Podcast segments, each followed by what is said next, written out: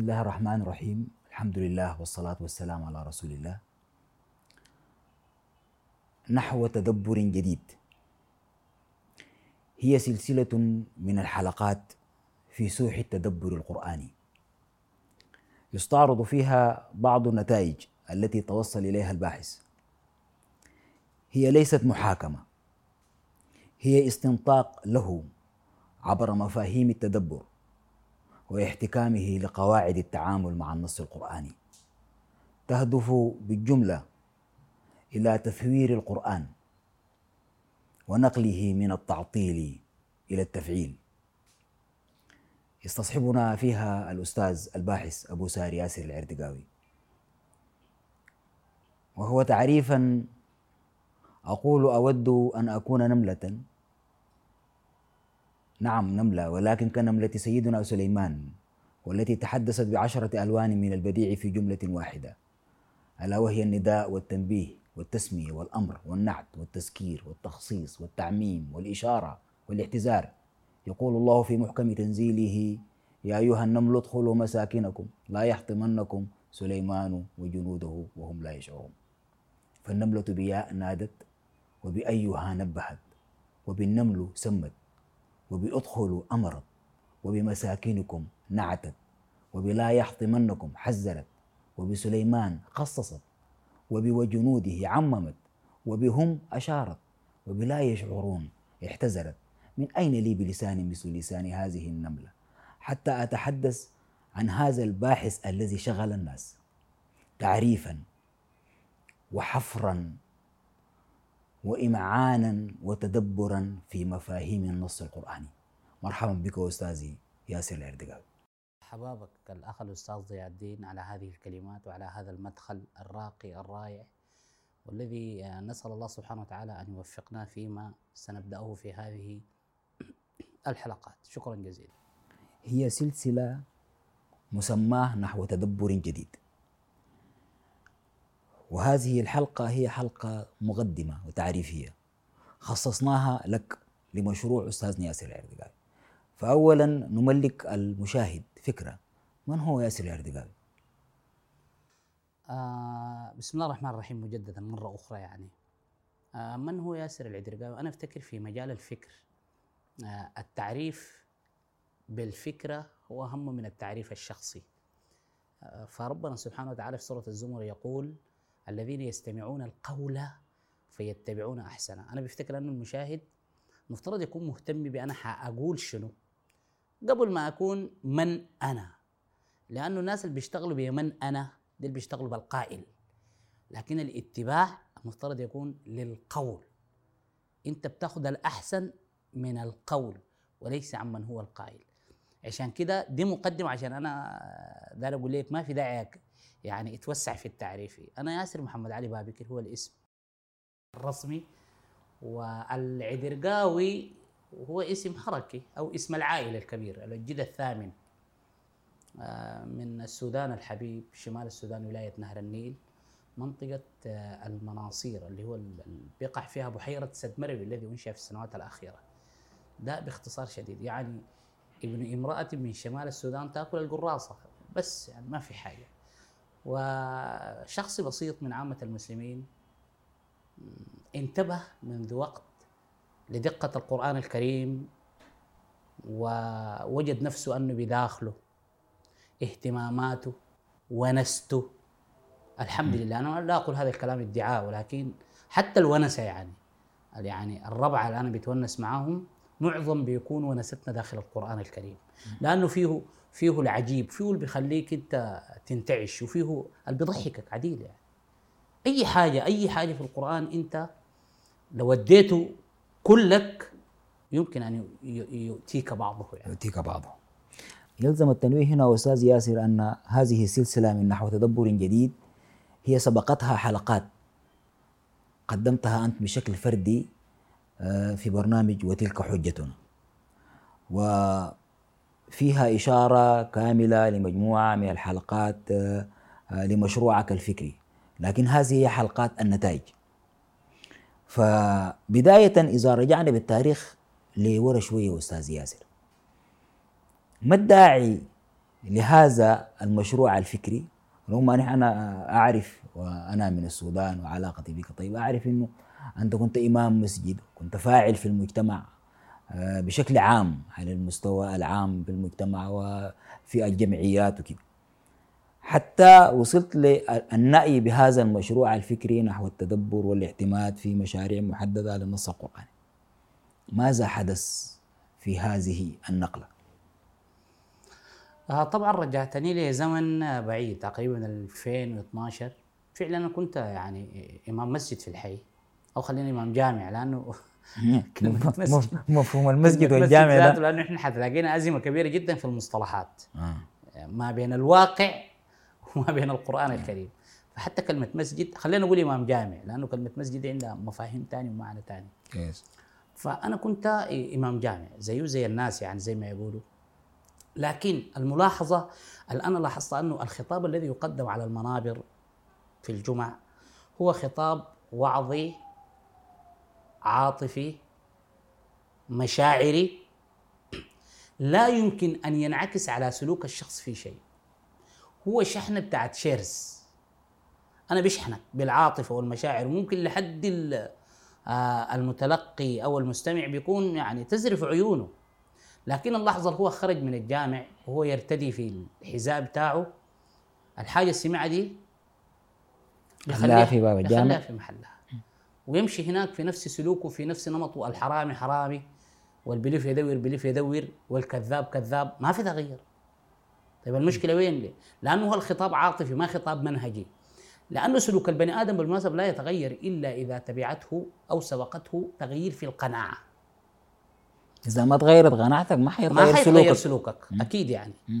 فهل الخطاب اللي بيقدم من الدعاء هل هو خطاب منهجي يغير في القناعات؟ الإجابة باختصار شديد ومن الآخر كده نو لا ما بغير في لا بصفتي أنا كنت إمام يعني إمام جامع يعني. حتى أنا خطبت في في الجامع الكبير خرطوم وفي مسجد جامعة الخرطوم أيضا. يعني من المساجد المساجد الكبيرة. بتعتبر يعني صحيح. عندها وزن. يؤم عدد كبير من المصلين. بالضبط كده. ليه؟ لأنه خطاب رتيب وخطاب خلينا نقول لك فطير وفقير ما فيه مادة ما غني. وعبارة عن أسطوانات مالها مكرره يعني أنت عارف معروف الخطبتين اللي قبل رمضان معروفة شنو؟ والخطب اللي في رمضان غزوة بدر وفتح مكة والأخيرة هي زكاة الفطر. وتخش تاني تجيك في قبل الضحية الخطبة تتحدث عن الحج وفوائد الحج وأن الله يباهي ملائكته خطب معروفة ومحفوظة. بس عندك شوية الفرق كده ما بين رمضان وللضحية. يمكن تتكلم عن مكارم الأخلاق ومحاسن الأخلاق. ليه؟ لأنه نحن بنعتبر أنه ليس بالإمكان أحسن مما كان، يعني ما في حاجة أنت بتقول حاجة جديدة. وتضطر عشان أنت تقدم خطاب جاذب تعتني بالرقائق والمواعظ مش تبحث في مثلا تنبيه الغافلين للسمرقندي في كتب بدائع الزهور مع واقع الدهور المستظرف في كل فن مستظرف. بتجيب لك قصة عشان زي ما يقولوا تجذب الناس. بغض النظر أنت سند ذاتك ما بتنتبه له يعني. ودائما بنجيب الكلمة كما جاء في الأثر. ونحن بنخدها كده ساكت يعني. ولما نقول أنا أعني معظم المشتغلين بحقل الدعوة الآن. كما ورد في الأثر ممكن تجيب لك يعني قصة أو حكاية تضحك الثكالى. موجودة في هذه الكتب. ليه عشان أنت تشد. لأنه لا يمكن أن يتحمل الخطيب انه الناس نايمين. الحاجة دي مزعجة جدا يعني. فعرفت أنه في مشكلة في مشكلة يا جماعة الحاصل شنو يعني؟ ليه الخطاب ده؟ فلما حصل الانتقال وده برضه عنده طبعا قصة وعنده لما حصل الانتقال وأنا دخلت مجال التدبر يتغير الخطاب بتاعي طبعا كانت عملت صدى ورواج وفي المجتمع ومناطحة وشد وجذب لحد ما انتهى المطاف. طبعا أطاحوا بي من على المنبر و أنا أنا عشان ما نسبق الحوادث لما نجي لموضوع الإطاحة ده. وفي علامة فارقة أنا سؤالي استفساري كان إنه هذا الإيقاع الرتيب معليش مع احترامنا لمجهودك ومجهود الأئمة في إنه الخطاب ما كان خطاب جاذب للناس. هذا التحول اللي حصل وجعل أستاذنا ياسر العردقاوي يشتغل في في في مشروع التدبر القرآني ويخطط خط يعني خط مختلف حتى على عدد كبير من المفسرين. ما هي العلامة الفارغة التي جعلت هذا الانتقال ممكنا؟ طيب خليني أقول لك آه المسلمين بصفة عامة بيعيشوا حاجة انهزام داخلي والانهزام ده ناتج الخوف من القرآن ليه؟ لاننا بنتعامل معاه على مستوى القداسة ده كلام الله المقدس وبالتالي أي كلام أنت تكلمت فيه أو خطأ خلاص رحت في ستين داهية وضليت وكفرت أو كده وبالتالي عشان نتعامل معه بسياسة أبعد من الشر وغني له. وغني له. يا أخي القرآن ده عنده ناس ودير رجال الدين وهم ال- اللي بيشتغلوا بالمجال ده. أنا كمسلم عادي يا أخي أصلي وأزكي وأصوم.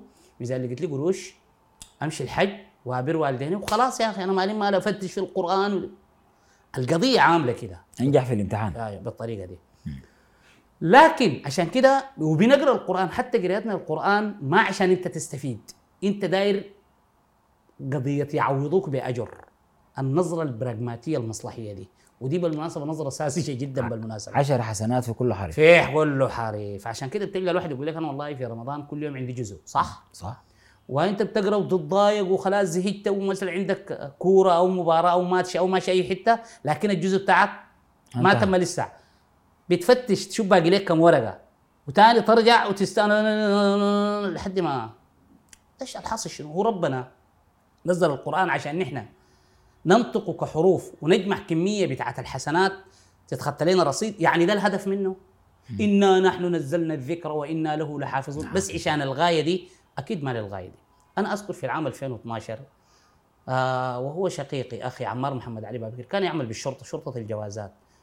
وجاء في وقت إذن وذكر لي قال لي يا أخي ياسر في واحد طلع كتاب بيقول إنه آدم عليه السلام ربنا ما خلقه من الطين كده صورة بتاع التمثال كما هو. يعني الحاجة المعروفة في العقل الجمعي عند المسلمين كلهم. في العقل الجمعي. كيف الكلام ده؟ قال لي يا أخي آدم ده ما ما جا كده. خلقوهم كده ونفخوا فيه الروح والروح حصة النص والكلام المعروف ده. فكان مستغربت يعني. وقال لي برضو يعني ذكر كمية من القضايا لكن الحاجة اللي استوقفتني أنه آدم ده ما أول البشرية أنه آدم ده اتبنى من فعشان أنا أتحصل عن الكتاب ده كانت كارثة يعني مشكلة. كنا بنشيله كده زي الحاجة الممنوعة وهو الكتاب آه اسمه نظرية آذان الأنعام في الخلق والتطور للصديق المرحوم عماد حسن محمد بابكر وأخيه علاء الدين. حسن محمد بابكر. فعلا الكتاب كان قنبلة في وقته في وقته. الكتاب أنا ما بقول الآن على مستوى النتائج هل هو غير قناعاتي وغير إيمانياتي السابقة وكذا لا هو نقلك على مستوى المعايير. ملكك أدوات أو على الأقل لفتك ونبهك على أنه الطريق ده ستوب القرآن التعامل معاه ما كده. في معايير في منهجيات جديدة التعامل مع النص مع القرآني. النص القرآني.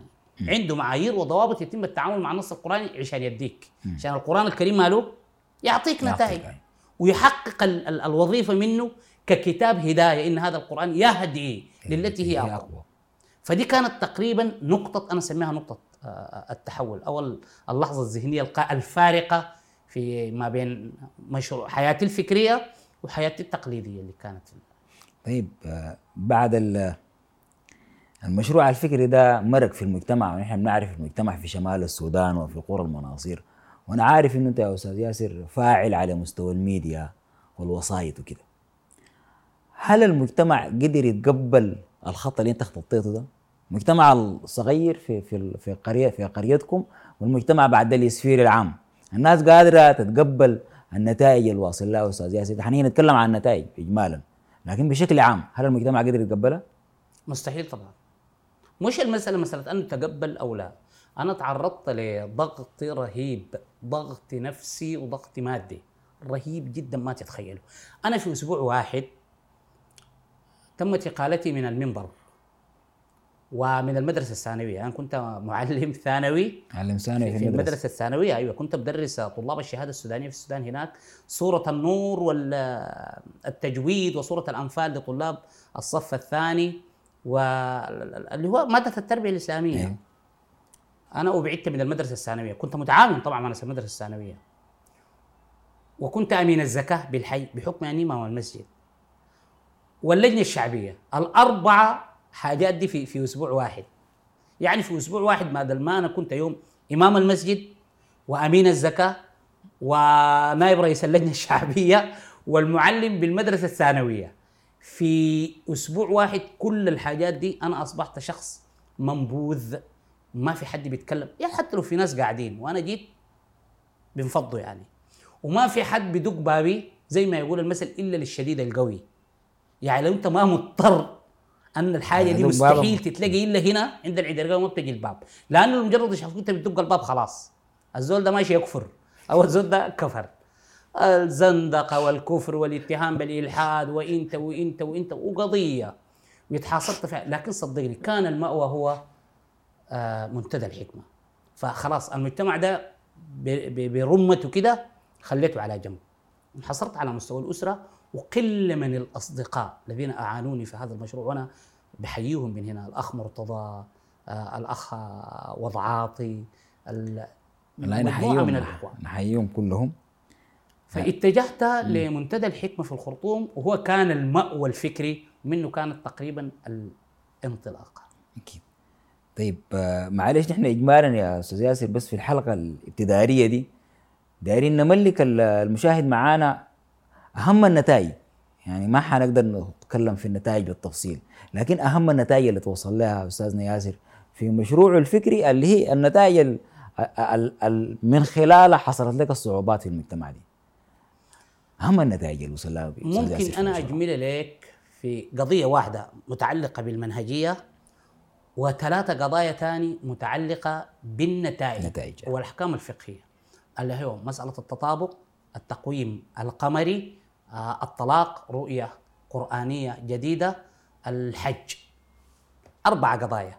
القضية الأولى هي منهجيه متعلقة بمناهج التعامل مع النص صحيح. وهي لا تطابق في ألفاظ القرآن الكريم. هذا هي الركن الركين ده الجريد بيم اللي تأسس عليه المشروع الفكري كله. وهي تمثل القاسم المشترك بالمناسبه بين جميع المفكرين المعاصرين الآن أنه يجب أن يقرأ القرآن وأي كلمة فيه بتختلف عن الكلمة الاخرى لا يمكن أن تتطابق معها. أي وإنما مفردة لها دلالتها تختلف عن. تختلف من أي دلالة ثانية تماما. والموضوع ده ما نظرية. عشان ما المشاهد يفتكر أنه والله نظرية. لا ما نظرية. أنا الموضوع ده بالنسبة لي يقين إيماني. دونه خرط القتاد يعني الموضوع ده لو ما ثبت أنا أترك الجمل بما حمل يعني. مش لهشاشه يعني مش عشان إيماني هش لأني متأكد منها يعني. مستحيل أن يقرأ القرآن بالتطابق. وفي المقابل منظومة التفاسير كلها التي اطرت عليها اطر عليها الفقه هي بتقر التطابق في القرآن التطابق. تقر التطابق في القرآن الكريم. يعني ما في آه، مفسر الآن عنده الريب والشك. ذلك الكتاب لا ريب فيه شك. لكن أنا بقول لما نجي أقرأ القرآن الكريم ليه مثلا؟ ليه الميراث كله بالأبوين؟ وليه البر بالوالدين؟ بالوالدين إحسانا. ما ممكن البر يكون بالأبوين والميراث ما ممكن يكون بالوالدين. تفتكر ده عبث؟ نعم. إذا ضرورة هنالك تفريق في الدلالة ما بين مفهوم الأبوة ومفهوم الوالد. كمثال يعني. وال- والنص والمفردة في القرآن قصدية لا تحتمل التأويل. طبعا طبعا قصدية أصيلة ليست اتفاقية إصطلاحية. ودي ممكن نفصل فيها. هذه المعايير أنا تحدثت فيها في الحلقات ال- ال- الفردية باستفاضة يعني. أدركنا الوقت أستاذ ياسر. آه سنواصل في إجمال من النتائج التي توصلت إليها في مشروعك الفكري في الحلقة القادمة والحلقات التي تليها. شاكرين ومقدرين حضورك أستاذ ياسر. بارك الله فيك جزاك الله شكرا لكل المتابعين. حتى جديد اللقاء في حلقة أخرى من برنامج نحو تدبر جديد. دمتم في أمان الله.